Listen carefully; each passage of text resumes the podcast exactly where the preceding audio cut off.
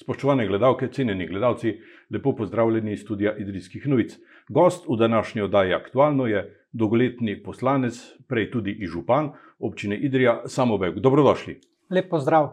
Koliko mandatov ste bili, ste še pravzaprav poslanec, gospod Bel? Sedaj se mi izteka eh, šesti mandat. To je kar veliko časa. Ja, to je še nekaj poslancev, eh, ima podobno, nekateri celo več, recimo Roberto Batelli, nekdani poslanec italijanske narodne skupnosti, pa Janis Janša je bil večkrat izvoljen. Tako, nas je malo s šestimi mandati. Začnimo ta najmen pogovor pravzaprav z najbolj aktualno temo, to je vojna v Ukrajini. Eh, en mandat ste bili tudi državni sekretar na Ministrstvu za obrambo, drži ta podatek? Eh, ne v celoti. Eh, jaz sem bil v kabinetu ministrice za obrambo Andreje Katič, tako da sem bil njen svetovalec, se pravi v njenem najožjem krogu. Kako gledate na te razmere? Torej, že eh, prvi dan eh, vojne smo se odločili in eh, sklicali eh, sejo odbora za obrambo in odbora za zunanjo politiko, eh, ki sem eh, jo eh, vodil. To je bilo v petek, 25. Eh, februarja, drugi dan vojne v, v Ukrajini. Na tej skupni seji, ki je bila seveda zaprta eh, za javnost zaradi eh, zaupnega eh, gradiva, smo obravnavali informacijo vlade Republike Slovenije o agresiji Ruske federacije na Ukrajino in o ukrepih, ki jih je Slovenija sprejela v zvezi s tem. Dosegli smo pravzaprav zelo visoko stopnjo eh, enotnosti eh, političnih strank eh, parlamentarnih v obsodbi brutalne ruske agresije na Ukrajino. Jaz sem na tej seji tudi predlagal sklic generalne skupščine OZN, kar so predstavniki vlade pozdravili. To je kasneje dejansko predlagala potem čez nekaj dni sama Ukrajina in ob podpori eh, široke mednarodne skupnosti in pa tudi eh, Republike Slovenije je bilo zasedanje Generalne skupščine 2. Eh, marca. Takrat je 141 držav iz vsega sveta podprla to enotno obsodbo OZN proti Rusiji, samo pet držav je glasovalo proti, nekatere pa so se vzdržale. Tako eh, enotne obsodbe nekega eh, brutalnega akta eh, še ne pomnim v generalni skupščini OZN v zadnjem obdobju. Pa vendar učinka ni, združen, so združeni narodi na nek način tudi brez zobi tiger. Žal je res, da učinka še ni, ampak ta bi rekel, obsodba in širina koalicije proti Rusiji se eh, krepi, in jaz eh, verjamem, da bo slej ali prej nastalo premirje, da se bodo začeli pogovori, eh, ki naj bi privedli k končnemu miru v Ukrajini. To, kar se sedaj dogaja, je nezaslišano. Vsekakor delimo z vami te vaše misli in tudi upanje, da se zadeve uredijo. Eh, rdeča nit vaših eh, poslanskih mandatov pa je pravzaprav kultura. Zakaj je pravzaprav kultura? No, jaz sem eh, stopil v politiko s funkcije ravnatelja mestnega muzeja Idrija. Zato sem seveda najprej kot župan občine Idrija in potem kot poslanec vedno podpiral projekte z področja kulture in umetnosti.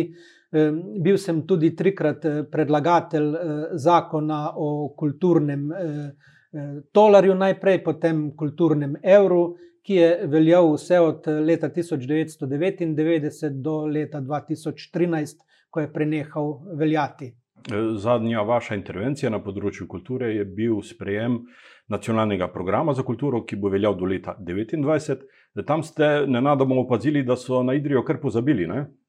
Ja, tako je. E, popolnoma je bila e, prezrta Idrija, e, ne samo Idrija, prezrta je bila tudi UNESCO-va dediščina in dediščina, ki nosi znak evropske dediščine. Zato sem predlagal poseben amandma, ki vključuje pet enot te dediščine, tri seznama UNESCO in dva, ki imata znak evropske dediščine. Če povem, to so UNESCO-vi prazgodovinska kolišča na Igu na Ljubljanskem barju, potem je tukaj arhitekturni biseri arhitekta Jožeta Plečnika v Ljubljani in seveda rudarska dediščina, ki je povezana z rudnikom živega srebra in Idrijo.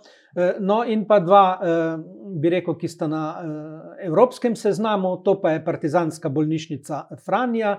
Predlagal sem tudi, da se tukaj uredi sprejemno-informacijski center in pa Cerkvica svetega Duha v Javorci, izjemen spomenik iz časa Prve svetovne vojne. Tako da ta amantma sicer sprva na odboru ni bil sprejet, medtem ko je pa na plenarnem zasedanju dobil dovolj visoko podporo, sicer le en glas več, ampak to šteje v državnem zboru. Ta amantma je postal sestavni del nacionalnega programa za kulturo za obdobje do leta 2029. Vrednost tega amantmaja in vse te dediščine pa je 20 milijonov in 700 tisoč evrov.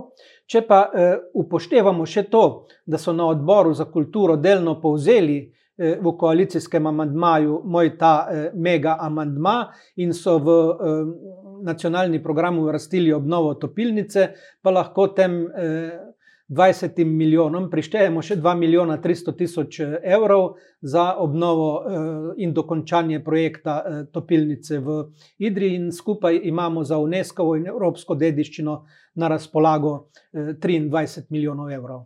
Ne zgodi se prav pogosto, da poslanec iz opozicije uspe s svojim predlogom.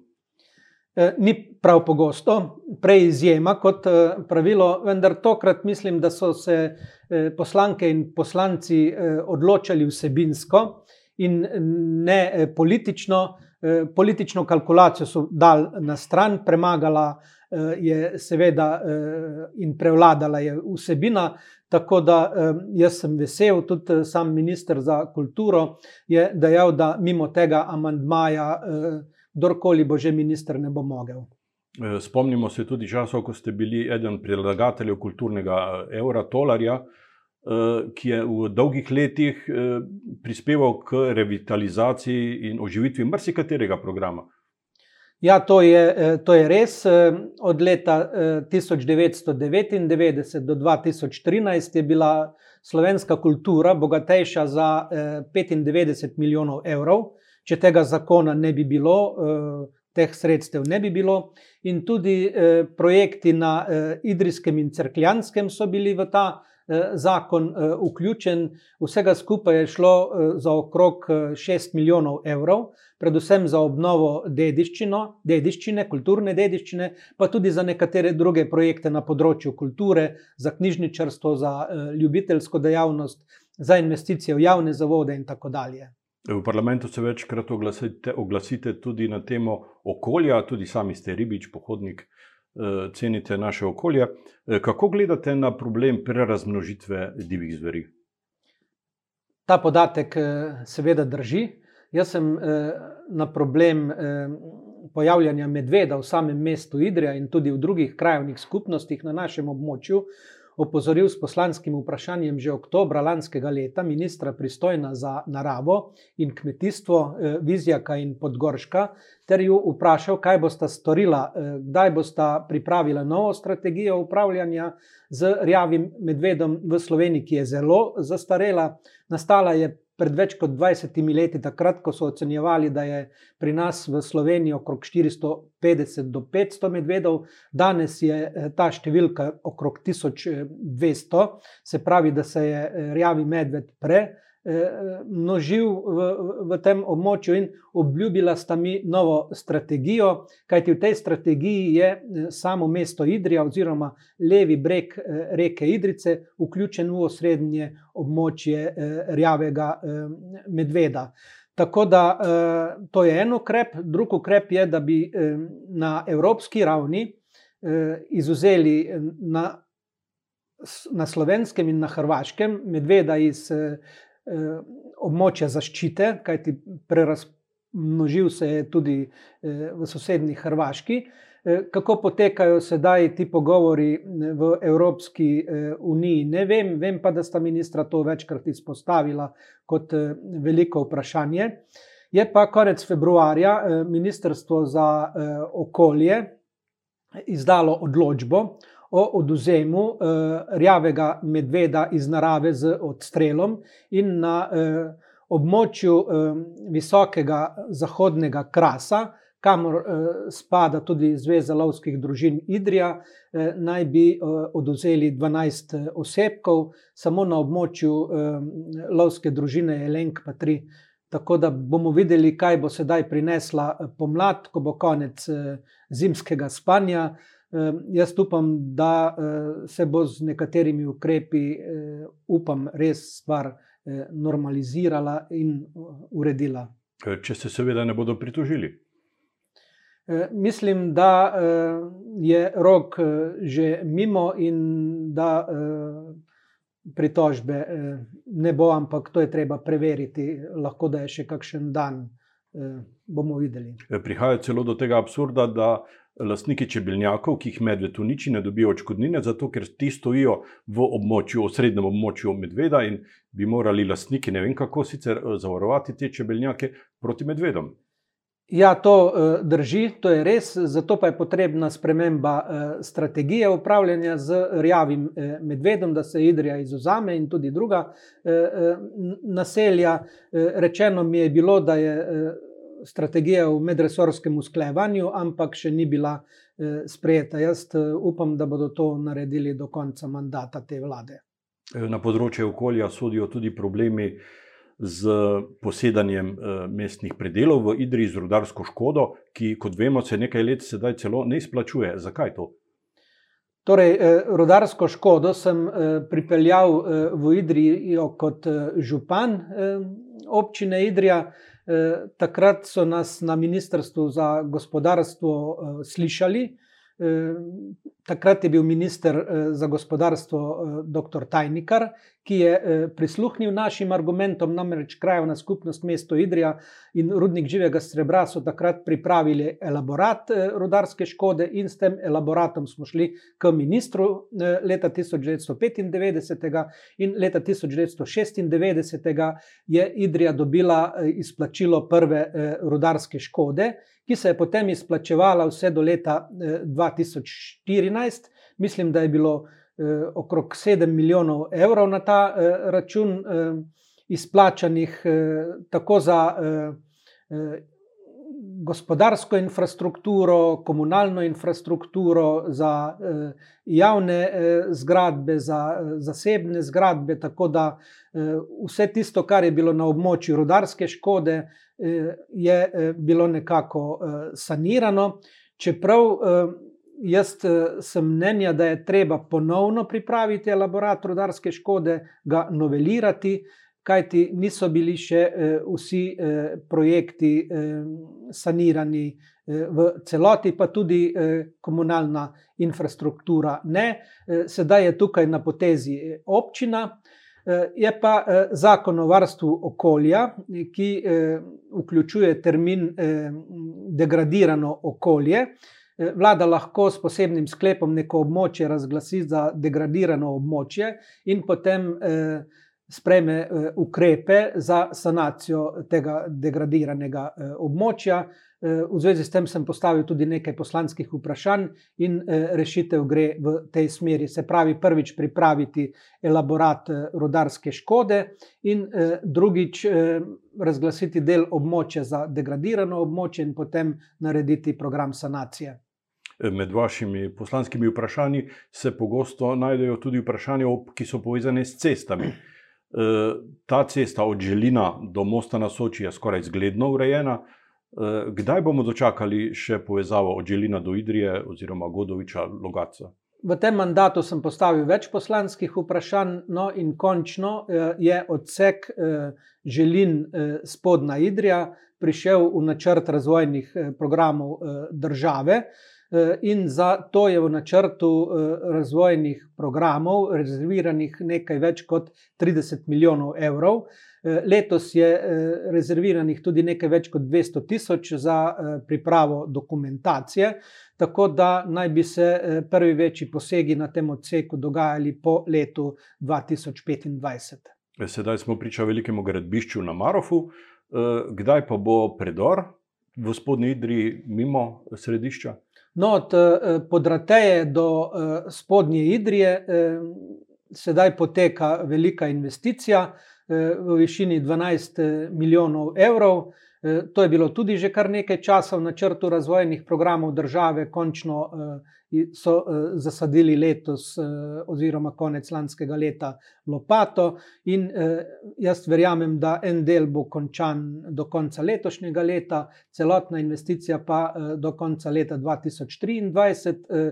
Glede predora oziroma obvoznice Spodnja Idrija pa se sedaj ta umešča v prostor, kajti gre za relativno velik poseg in je potrebno sprejeti državni prostorski načrt za to obvoznico. In seveda tudi ta projekt je v načrtu, v razvojnem načrtu države.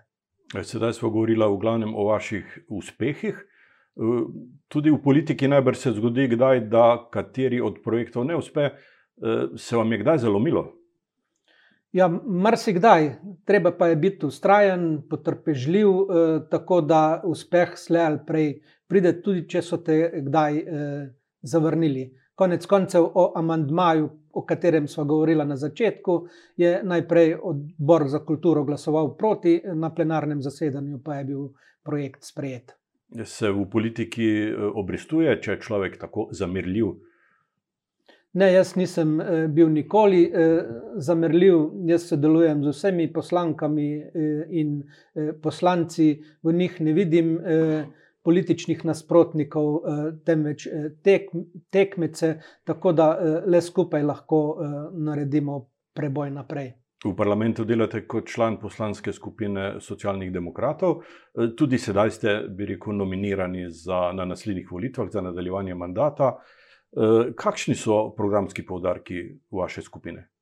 No, ravno danes je bila vložena lista kandidatov in kandidatk Socialnih demokratov za državnozborske volitve. Imamo šestinosemdeset odličnih kandidatov in kandidatk, zelo veliko žensk, mladih.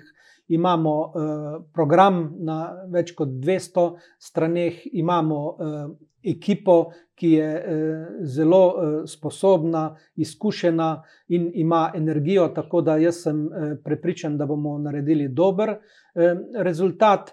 Glede poudarkov bi pa dal predvsem na prvo mesto razvoj, nadaljnji razvoj javnega zdravstva, javnega šolstva. Tukaj imamo zelo ambiciozen projekt gradnje deset tisoč stanovanj, in to neprofitnih stanovanj, kajti vemo, mladi, da se ne odseljujejo, želijo imeti svoj dom, svoje novo stanovanje, in tukaj bo to kar velik projekt. Poleg tega se zavzemamo za to, da bi bila minimalna pokojnina vsaj sedemsto evrov, in še marsikaj je v našem programu. Če pa pogledamo moj lokalni program, tukaj pa se bom seveda še naprej zavzemal za modernizacijo državne cestne mreže, za projekte na področju kulture, kulturnega turizma. Rad bi dosegel še nekaj, mislim, da je treba končati s siromašenjem kvalitete življenja v manjših lokalnih skupnostih. Poglejte, pokriti je treba v Sloveniji z internetom vse bele in sive lise, tako tudi pri nas. Potrebna je gradnja stanovanj za mlade na demografsko ogroženih področjih. To, da so ukinili več kot sto bankomatov in poslovalnic bančnih, je nezaslišano. To, da ukinjajo poštne storitve, je prav tako nezaslišano. Mislim, da bi morali to na nivoju države in lokalne skupnosti tudi subvencionirati nazaj. Recimo, država je eh, lastnica Pošte Slovenije, potrebno je nazaj revitalizirati eh, to poštno eh, mrežo, poslovalnice, ravno tako velja za bankomate. Za to, da bodo ljudje imeli lažji dostop do teh najbolj osnovnih storitev. Poleg tega sem se zavzel tudi za to, da se vrnejo nekatere ustanove, Eh, nazaj, da se urniki prilagodijo občanov. Dal sem posebno poslansko pobudo na to temo vladi Republike Slovenije, čeprav je mesec dni, ki ga ima vlada na razpolago, že mimo, eh, nisem še prejel odgovora. Eh, me je pa klical direktor finančne uprave Republike Slovenije, Ivan Simič, kjer smo se pogovarjali o tem, da bi eh, nekaj več bila odprta tudi izpostava Fursa v eh, Idri, se pravi, nekaj se s to pobudo eh, dogaja. Bomo videli, pa kakšen bo odgovor. Jaz pa ne bom odnehal, ampak bom ustrajal, da se kvaliteta življenja tudi v manjših lokalnih skupnostih dvigne. Ta pomlad prinaša počasen konec epidemije, prinaša volitve, neko novo upanje. Vam ta stik z naravo veliko pomeni? Ja, dve leti epidemije koronavirusa, čeprav se zdaj število zopet rahlo povečuje, in potem še ta uh, vojna v Ukrajini, kjer smo se uh, zbudili v popolnoma novem svetu, popolnoma drugačni Evropi. Tako da brez stika z naravo ne bi šlo. Jaz zelo rad delam na vrtu, Eh, gobarim, ribolov je moj eh, hobi, eh, tako da vsak prosti trenutek izkoristim za naravo in jaz komaj čakam, da se začne pomlad. Vem, da ste pogosto tudi pri Polancu, kjer imate z očetom majhno hišico, vikend. Kdo komu pomaga, vi njemu ali, ali on vam? Oče bo 23. maja eh, praznoval svoj 102. rojstni dan, pa je še vedno zelo aktiven. Eh, danes smo bila v kmetijski zadrugi in smo nakupila semenski krompir in še druge stvari, ki so eh, potrebne za začetek eh, dela na vrtu. Pri Polancu na Nivi je že velik kup hlevskega gnoja, sosedne kmetije na Čerinošu, tako da prav k malu bomo začeli intenzivno pripravljati svoj vrtiček pa tudi jaz upam, da bo eh, letošnje leto eh, eh, Goriška sevka bolj rodila, kajti lansko leto skoraj ni bila jabolka na, na njej, pa tudi gobrska sezona lansko letna. Bo šla v anale kot ena eh, najslabših. Jaz, jaz upam, da bo letos bolje eh, tudi na tem področju. Vsekakor eh, slišim, da pišete tudi novo knjigo. Pravzaprav je knjiga že eh, napisana, eh, gre za zbirko eh, poslanskih pobud in vprašanj, ki sem jih naslovil na številne ministre in ministrice od leta 1997 do danes. Sedaj urejam to gradivo, je kar veliko dela in verjamem, če bo šlo vse po sreči, da bo išla do konca tega leta in se pridružila prvencema knjigi Franja, Muzej človeške plemenitosti, ki sem jo izdal leta 1999, in eh, knjigi Pisma z poslanskega sedeža 108, ki so izšli leta 2015. Upajmo na obilno letino tudi na tem področju. Samo Beg, hvala za ta pogovor, hvala za obisk v našem studiu in želim vam, da bi se vam eh, to leto, prelomno leto, eh, končalo, izpeljalo tako, kot si sami najbolj želite. Hvala lepa tudi vam za povabilo. Vam, spoštovani gledalci in cenjeni gledalci, pa hvala za pozornost in seveda srečno.